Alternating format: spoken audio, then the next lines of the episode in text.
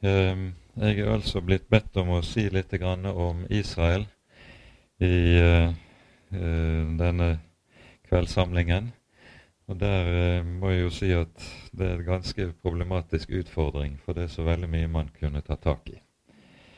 Det jeg har bestemt meg for å gjøre, det er å si litt om hva det er som på en måte har ført frem til at Israel og jødedommen er det den faktisk er og er blitt gjennom historien. Det blir da sånn litt sånn historiske knagger som vi kommer til å gripe fatt i, og så får vi se hvor vi ender opp henne.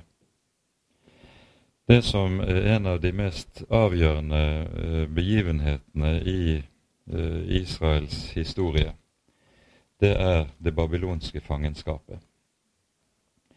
I år 587 erobrer babylonerne med kong Nebukadnesa i spissen Jerusalem, og det gammeltestamentlige jødiske riket går under. Um, profetene, først og fremst Jeremia, men også en del av uh, hans samtidige, Esekiel, Nahum, uh, Habakuk, disse har profetert om hva som ligger foran dersom folket ikke vender om. Men de vender ikke om, og så kommer det babylonske fangenskapet. Og eh, fangenskapet, eller erobringen, foregår jo i tre etapper. Først er det sånn at eh, babylonerne overtar eh, verdensherredømmet i år 605 før Kristus. Da slår de endelig eh, den asyriske eh, stormakten, det som hadde vært eh, så å si Midtøstens supermakt gjennom 200 år, Asyria. Eh, og så er den asyriske makten slutt, og eh, babylonerne blir den dominerende makten i hele Midtøsten. Og Dette kommer til uttrykk i 605 ved at eh, uh, Juda og Judas konger blir et lydrike under babylonerne og må svare, svare skatt til babylonerne. Og det kommer også til uttrykk på den måten at eh, den babylonske storkongen tar gisler. Gisler fra kongehuset i Jerusalem. Et av disse gislene er Daniel. Han havner da i Babylon og ved den babylonske kongens hoff.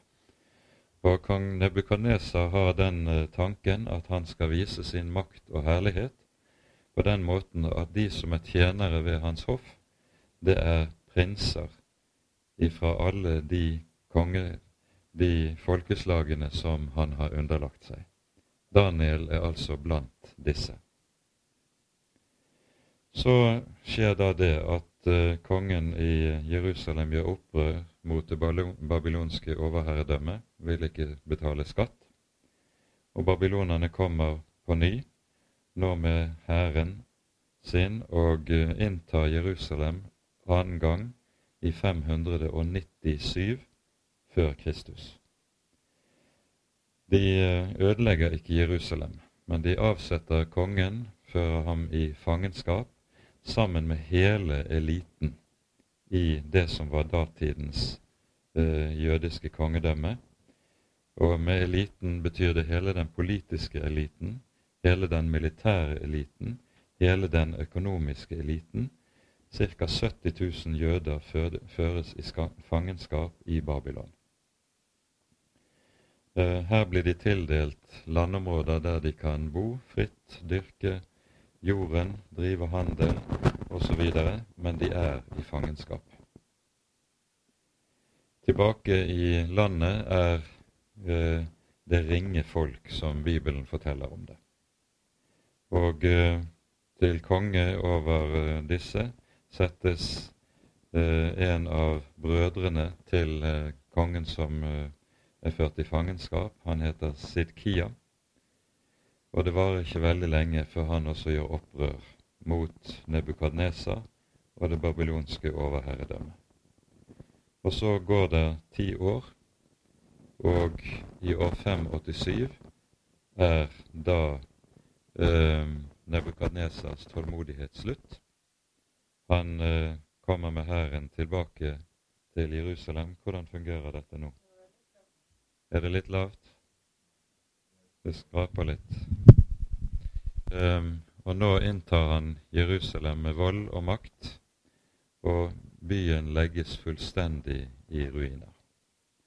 Um, kong Sidkia prøver å rømme sammen med uh, lederne i hæren sin og sine sønner ut om natten en bakport i Jerusalem, men blir pågrepet på Jerikos ødemarker.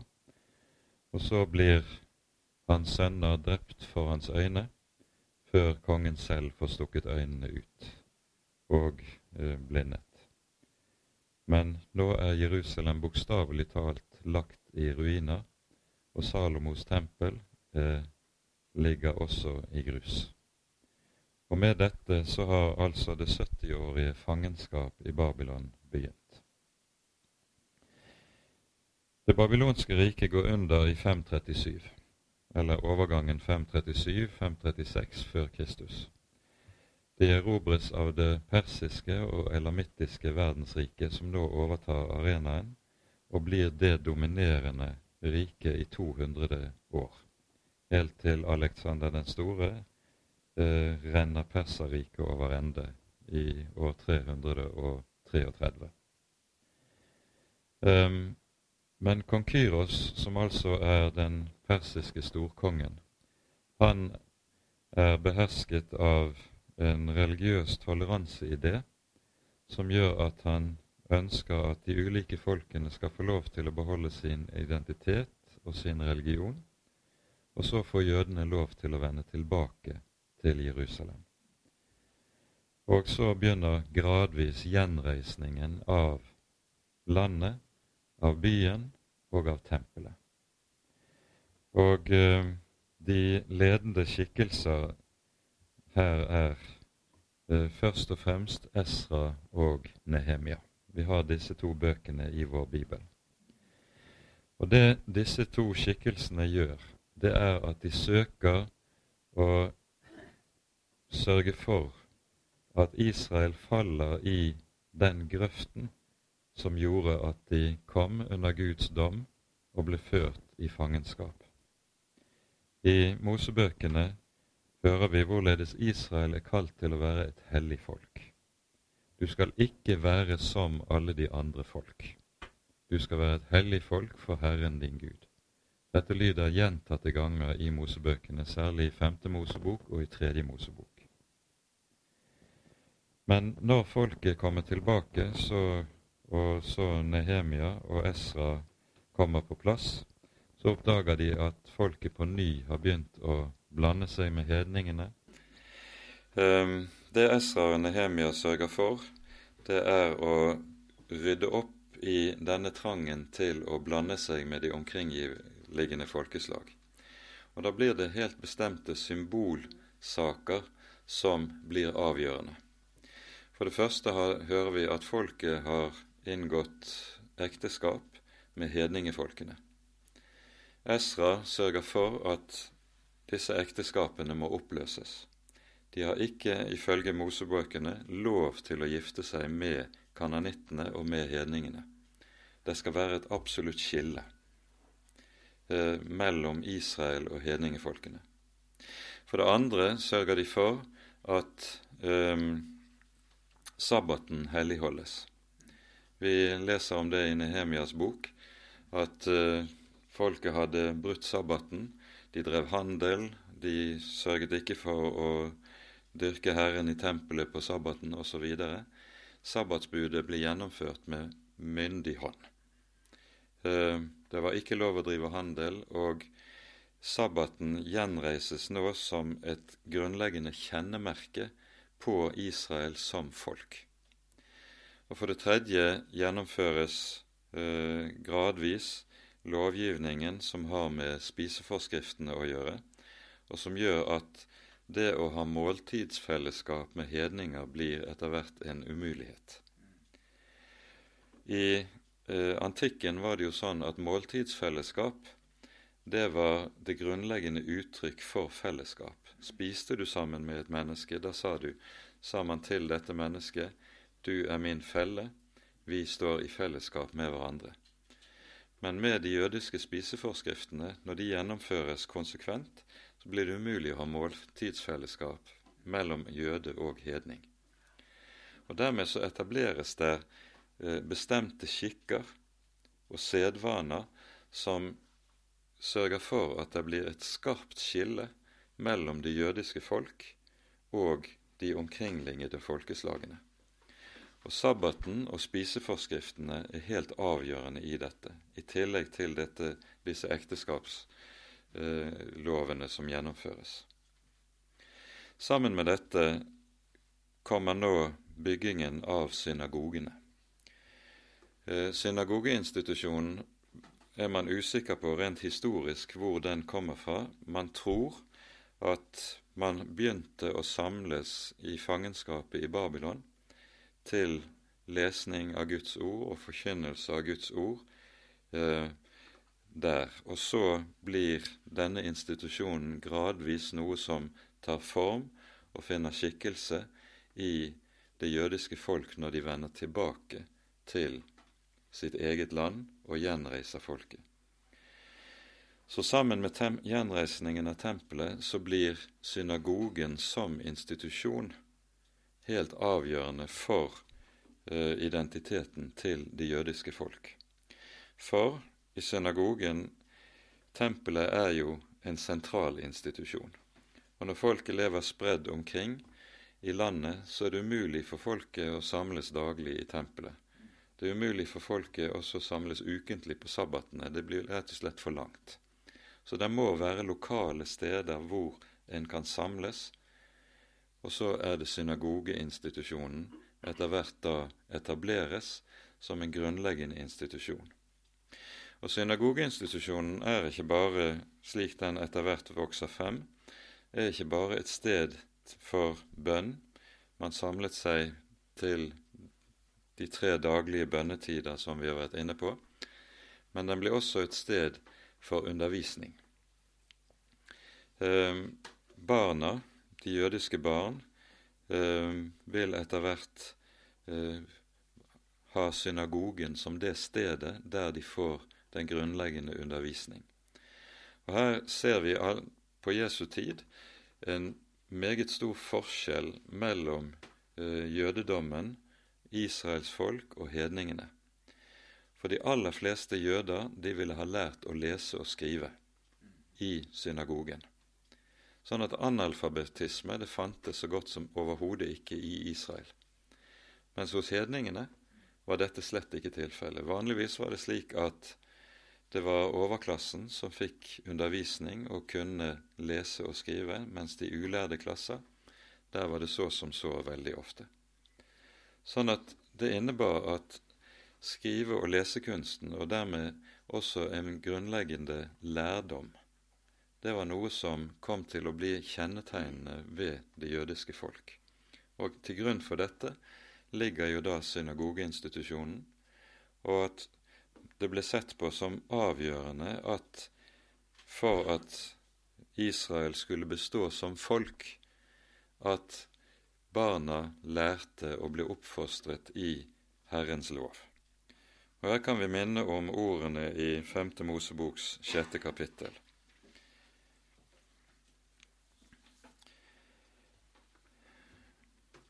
Vi leser fra, jeg tenker fra vers 3 til og med vers 9. Så hør Israel, og akt vel på å holde disse ord, så det må gå deg vel, og dere må øke og bli tallrike, slik Herren dine fedres Gud har lovet deg, i et land som flyter med melk og honning. Hør Israel, Herren vår Gud, Herren er én, og du skal elske Herren din Gud av hele ditt hjerte og av hele din sjel og av all din makt. dere vil huske at disse ordene gjentas av vår Herre Jesus når han blir spurt om hvilket bud som er det største i loven. Så Jesus stadfester at de ordene vi her har lest, som er Israels trosbekjennelse, det er det første og det største bud i loven. Og så fortsetter det her. Disse ord som jeg byr deg i dag, skal du gjemme i ditt hjerte. Du skal innprente dem i dine barn. Du skal tale om dem når du sitter i ditt hus, når du går på veien, når du legger deg, og når du står opp. Du skal binde dem som et tegn på din hånd. De skal være som en minneseddel på din panne. Du skal skrive dem på dørstolpene i ditt hus og på dine porter. Og det vi her har hørt, det er noe som gjennomføres helt bokstavelig innenfor jødedommen. Det er vel den fremvoksende fariseisme som sørger for at dette blir allmenn skikk innenfor jødedommen. Dere vil ha, sikkert ha sett bilder alle sammen av hvordan når en jøde ber, så binder han bønnereimene om sin venstre hånd. Det er fordi det står 'disse ord skal du binde som et tegn på din hånd'. Og så gjør man det helt bokstavelig. De bindes om hånden.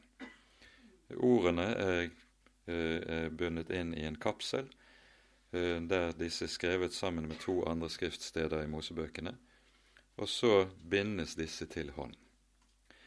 Og de skal være tegn på din panne. Det er også laget en slik kapsel som festes på pannen, og disse anvendes når en skal be. Disse ord skal du innprente dine barn. Ordet 'innprente' som anvendes her, det er et ord som bokstavelig betyr å hogge i stein. Og det betyr rett og slett at barna skal lære utenat. Og det er noe som ble gjennomført helt konsekvent. Fra barna var i ca. femårsalderen, begynner de å skulle lære alfabetet, lære å lese, og så skal de etter hvert lære disse bibelstedene og bibeltekstene utenat. Du skal innprente dem, innskrive dem i dine barn. Og du skal, står det, skrive dem som et tegn på dine dørstolper og på dine porter. Ja vel, så gjør man det. Dere har sikkert sett disse mesusaene som er festet på høyre dørkam ved inngangen til et jødisk hjem, til jødiske butikker overalt hvor det er jødiske hus, så er disse festet. Og ordene er disse ordene som står her. Man gjør det helt bokstavelig. På den måten så har man ytre tegn som hele tiden markerer hvem en er, hvilket folk en hører til, og hva som er ens tro og bekjennelse. Um, du skal tale om dem i ditt hus, når du legger deg, og når du står opp. Gjøres også helt bokstavelig. Det første en jøde resiterer når han står opp om morgenen, dersom han er en troende jøde, det er disse ordene vi har lest. Og det siste han resiterer, det er disse ordene før han legger seg om kvelden. Helt bokstavelig tas uh, de, uh, disse ordene på alvor. Og Dette er jo noe av det som har preget og kjennetegnet Israel hele veien gjennom de 2000 år de nå har vært i landflyktighet. Um, det er to andre historiske begivenheter som i veldig sterk grad har preget og ført frem til at det jødiske folk er det det er i dag. Eh, nå har vi nevnt hjemkomsten fra Babylon og Esra og Nehemia og deres betydning. Det neste er det som skjer rundt år 170 før Kristus. Da eh, har det vært slik at Alexander den stores rike er blitt delt i fire deler ved hans død. Og den ene hoveddelen eh, har sin eh, hovedstad i eh, eh, Damaskus. Der Og her det er dette området Det er dette riket som også da er eh, det dominerende riket i eh, Israels landområde. Rundt år 170 kommer det en mann på tronen i, eh, eh, det syriske riket som heter Antiokus Epifanes. Og Han ønsker å gjennomføre en meget hårhendt politikk, religionspolitikk, som handler om at hele hans rike skal akseptere gresk kultur og gresk religion. De eneste som virkelig stritter imot på dette, det er jødene. De nekter å spise svinekjøtt. De nekter å dyrke Sefs og de greske gudene osv. Og, så og uh, dette medfører jo da at det blir en veldig forfølgelsestid for, av troende jøder i denne perioden. Um, Antiokus reiser til Jerusalem. Han ofrer svin på alteret i tempelet i Jerusalem og setter opp et bilde av Sefs i tempelet i Jerusalem, så det tempelet vanhelliges grovt. Og Så er det da at det blir et opprør som ledes av en Galilea som heter Judas Makabeus, der disse med en liten hær mot alle odds klarer å beseire Antiokus og gjøre Israel, i hvert fall i religiøs forstand, frie. De får lov til å beholde sin tro, sin bekjennelse, sitt liv som jøder og som Guds utvalgte folk. Og med etter at Antiokus er slått, så eh, øh, helliges og gjeninnvies tempelet i Jerusalem. Og den høytiden som kalles Hanukka-høytiden i Israel, og som feires omtrent ved vår høytid, julehøytid, den feires til minne om tempelinnvielsen eh, etter denne perioden. Det skjedde i år 167 før Kristus. Det som da vokser frem i fotsporene på dette. Det er en veldig sterk eh, ønske om eh, og en, eh, La oss si kalle det for en fornyelse av ønsket om og bevisstheten om nødvendigheten å skille seg fra hedningefolkene som en levde midt iblant. Og det vokser frem en ny bevegelse, en slags indremisjonsbevegelse i jødedommen, som heter hva for noe? Jo, det er fariseerne. Det er nå den fariseiske bevegelse vokser frem. Um, det er en slags indremisjonsbevegelse som har dette som formål å bevare Israel som Guds folk gjennom at folket skal ta loven på alvor og ta sitt kall til å være et annerledes folk på alvor. Og selv om fariseerne eh, aldri er et eh, veldig tallrikt parti.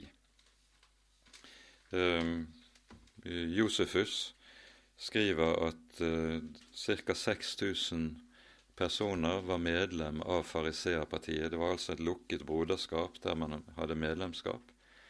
Så er det likevel så, sånn at det er dette partiet som utgjør den dominerende religiøse innflytelse i det jødiske folk etter hvert.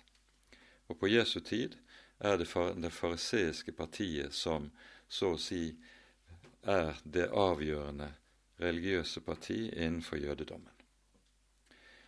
Og vi vet alle fra Det nye testamentet hvorledes fariseerne stiller seg til den Herre Jesus. På Jesu tid er det slik at det er en rekke andre partier som gjør seg gjeldende i Israels folk. Du har Saduseerpartiet, som er overklassen, og som består av presteskapet i Jerusalem. De er både det økonomiske, det religiøse og eh, den politiske overklassen i Jerusalem. Og de, disse inngår stadig kompromisser med romerne, og derfor er de dypt upopulære. Fariseerne derimot er meget populære i folkelivet. I tillegg til disse har du en ytterliggående bevegelse som kalles for esseerne. Det er disse som bygger klosteret nede ved Kumran, der man har funnet dødehavsrullene. Du har selotene, som eh, ønsker å med våpen i hånd å fri seg fra romerne, for de ser, anser det som vanærende for Guds folk å være underlagt hedensk overherredømme. Sånn at de er en Selotene er en eh, I praksis så er de det vi i dag ville kalle for en terroristbevegelse, som eh, begår vilkårlige drap på til stadig plage både for romerne og for overklassen i det jødiske folk. Så selotene vinner etter hvert frem, og i år 67, i vår tidsregning, så blir det opprør i det jødiske folk mot det romerske overherredømmet. Selotene får etter hvert hele folket med seg i dette prosjektet. Til å begynne med så seirer de. De overvinner de romerske legionene som er stasjonert i landet. Men eh, det varer ikke veldig lenge før keiseren får samlet nye legioner. Han sender sine elitestyrker, så de kommer nordfra.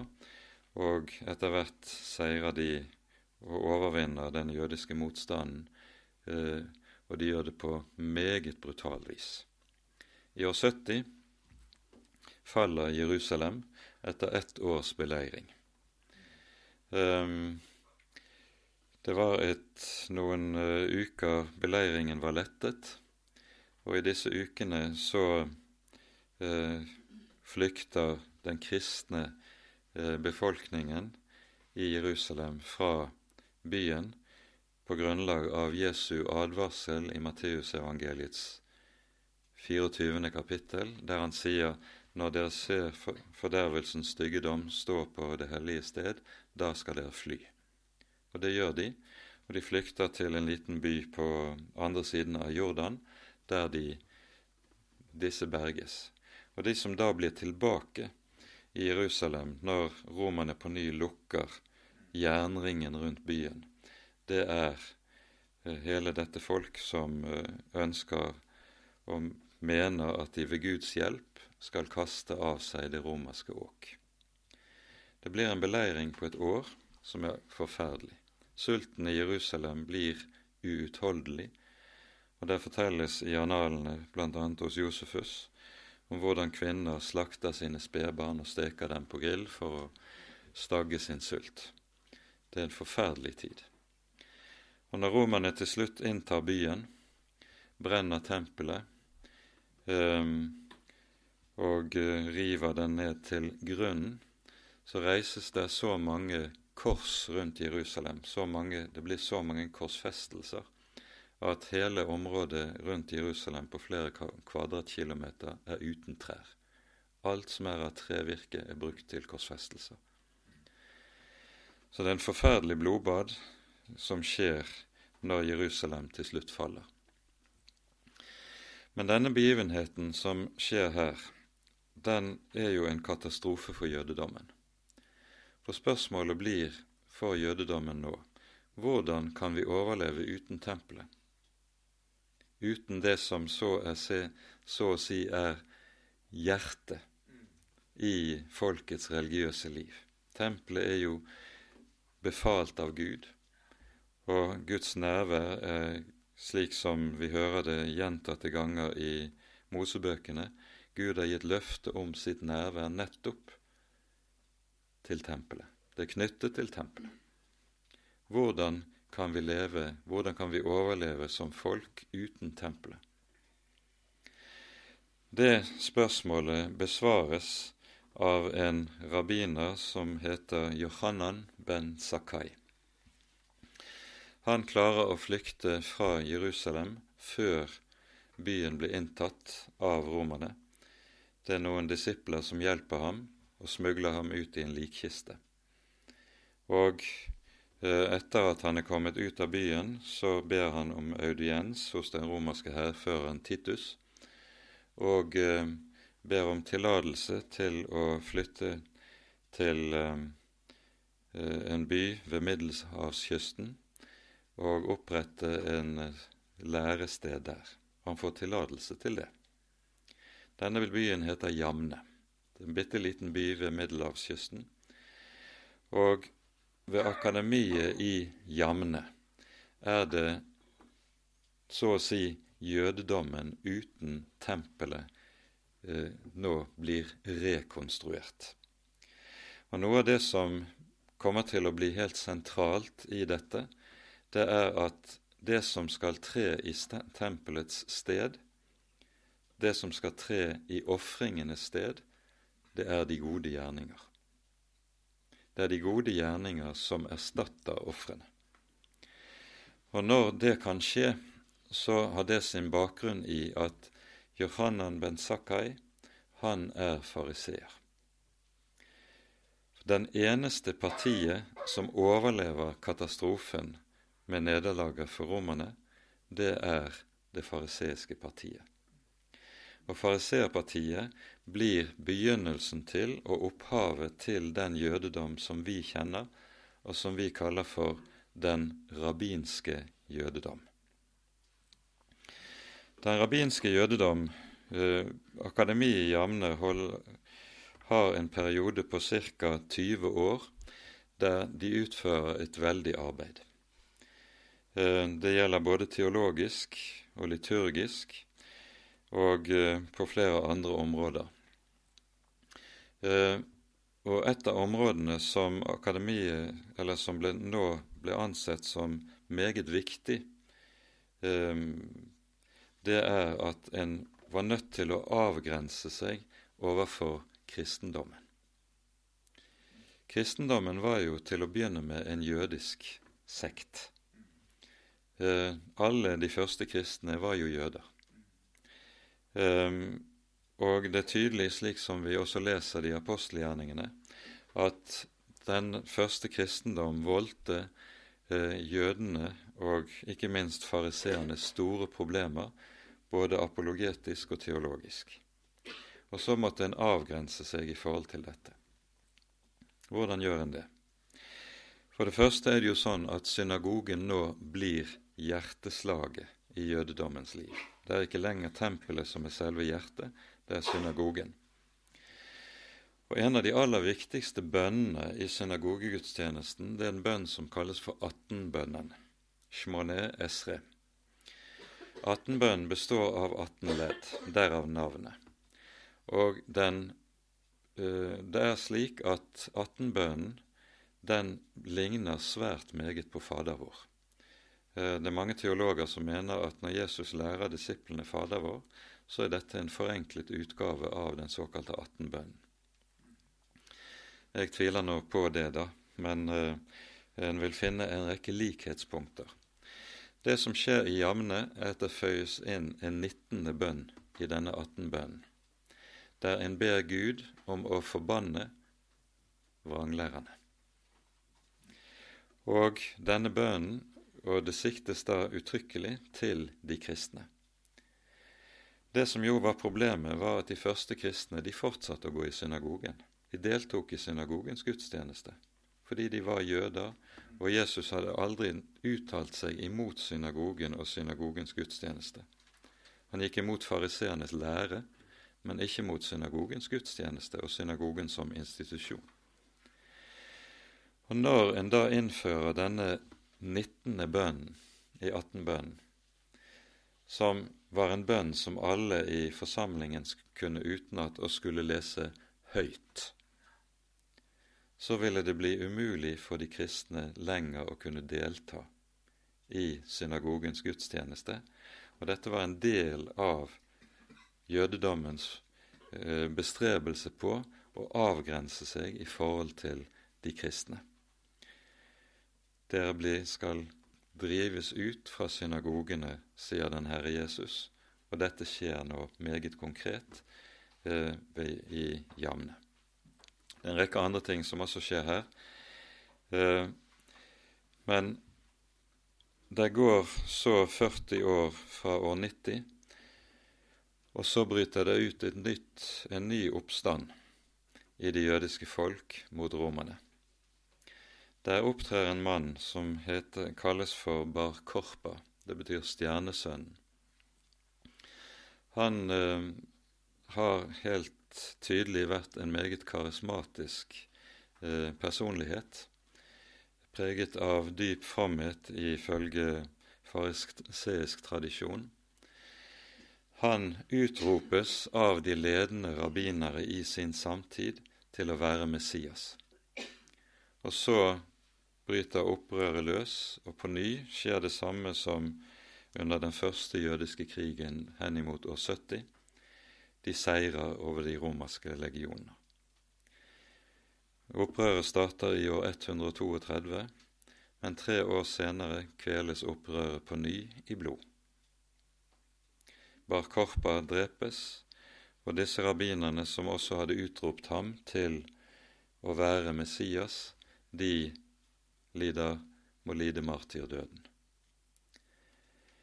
Men i dette opprøret så sier det seg selv at her etableres kanskje det mest avgjørende skillet i forhold til mellom jøder og kristne.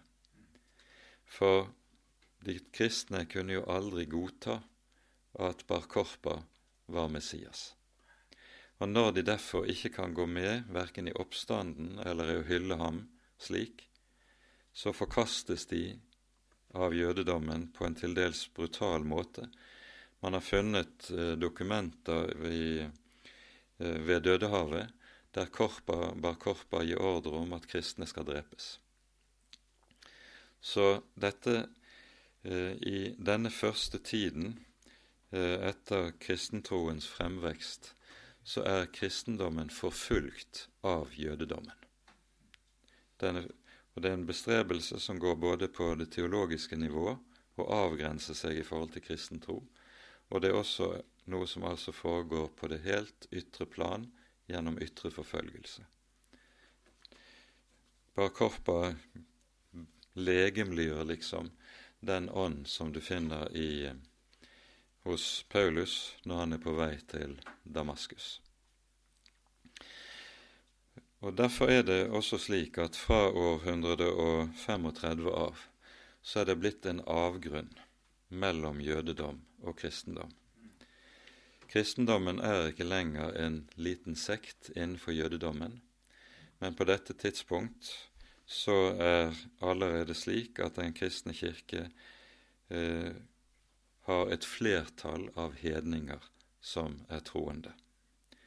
Og gradvis vokser nå Kirken slik at eh, de jødekristne etter hvert blir et lite, lite mindretall i den kristne kirke. Og med, med at dette skjer, så glemmes etter hvert også eh, gradvis det som er Kirkens jødiske røtter. Og når Konstantin er blitt keiser, um, så går det en rundt 100 års tid, og da har den romerske antisemittismen etter hvert også fått fotfeste innenfor kristenheten, og du hører flere av de store predikantene i, på 400-tallet ha prekener som er uhyre sterke i sin antisemittisme. Og så har du denne grøften, avgrunnen mellom jødedom og kristendom som slik har vokst og gradvis blitt dypere og dypere. Men altså, disse begivenhetene har vært helt avgjørende frem mot å forme den jødedom som vi kjenner i dag. Etter Bar Korpas nederlag så får du på ny en periode der jødedommen konsoliderer seg. Og fra dette tidspunkt av så er jødedommen eh, ikke voldelig. Eh, jødene er et folk som aldri lenger griper til våpen. Og av den grunn blir de også lette offer i de forfølgelser som etter hvert skulle komme oppover gjennom middelalderen. Den ikke-voldelige jødedom, det er den rabbinske jødedom som utformes i disse årene. Og da må vi til slutt nevne, og jeg tror vi skal slutte med det, eh, et trekk ved i den fariseiske tradisjon som er helt avgjørende for å forstå eh, jødedommen. Eh, Fariseerne lærte nemlig at når Moses var på Sinai, så mottok han to slags lover. Han mottok for det første den skriftlige lov, den som er nedfelt, og som vi finner i de fem Mosebøkene. Men i tillegg så mottok også Moses en muntlig lov, som ikke var lov til å skrive ned. Den muntlige lov hadde den rolle at den bar med seg fortolkningen av, den rette forståelsen av, den skriftlige lov. Denne den muntlige loven, eh, den kalles i Det nye testamentet for fedrenes overleveringer eller fedrenes forskrifter. Og den aksepteres aldri av Jesus som autoritet. Jesus aksepterer jo hele Det gamle testamentet som hellig skrift. Og som hellig skrift og som Guds ord, så er det et ord som vi skal bøye oss for. Men fedrenes overleveringer aksepteres aldri som autoritativ.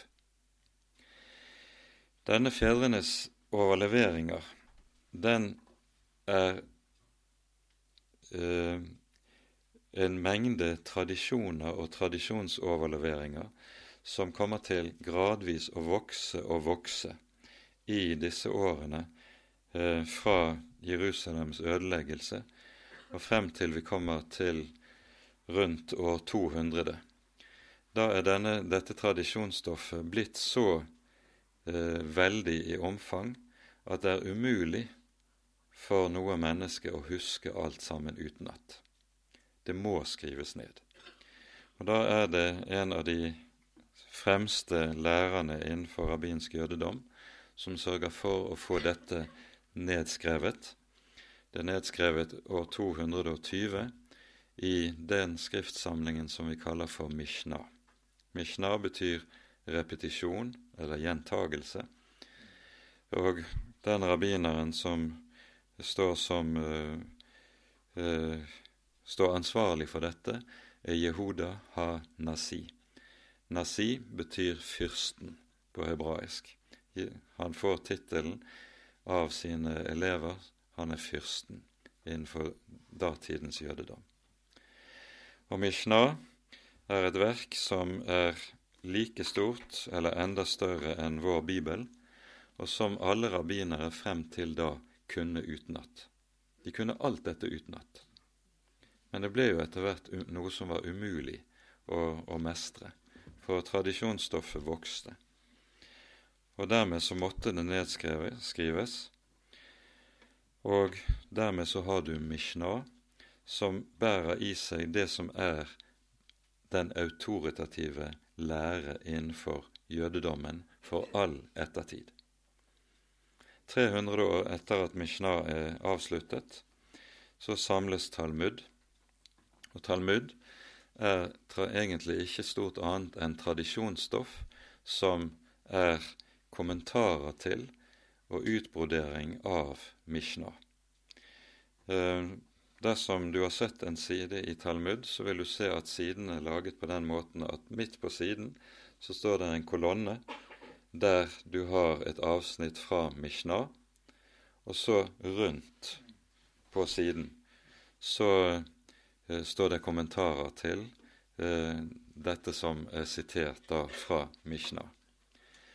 Talmud er et veldig verk. Det tilsvarer i eh, omfang og størrelse omtrent Aschehougs konversasjonsleksikon. Og dette er noe som eh, den troende jøde legger den største vind på å lære, å lese og forstå. Studium av Talmud, det er det som har vært noe av det bærende i jødedommen etter dette. Dette er i hvert fall eh, noen trekk av, eller glimt av, det som har ført frem til at jødedommen er det den er, og at Israel er blitt det det er blitt, eh, frem til eh, den dag i dag. Og det som vi i dag ser når vi hører om ortodokse eller ultraortodokse ortodokse jøder i dagens Israel, det er jøder som tar på alvor dette godset som ligger der fra Mishnah og fra Talmud, og hele denne overleveringen som uh, har vært bærende i jødedommen gjennom vel 2000 år. Yes.